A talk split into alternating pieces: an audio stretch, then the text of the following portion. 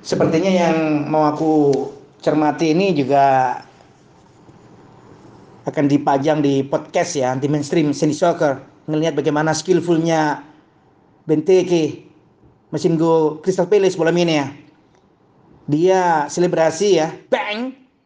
Menit 95-an memastikan kemenangan Crystal Palace pada saat menang dari Brighton match day ke-25 Liga Inggris selebrasi Benteke nambah catatan istimewa pemain yang satu ini ya cetak gol di injury time empat kali di Liga Inggris. Uh, istimewa Benteke.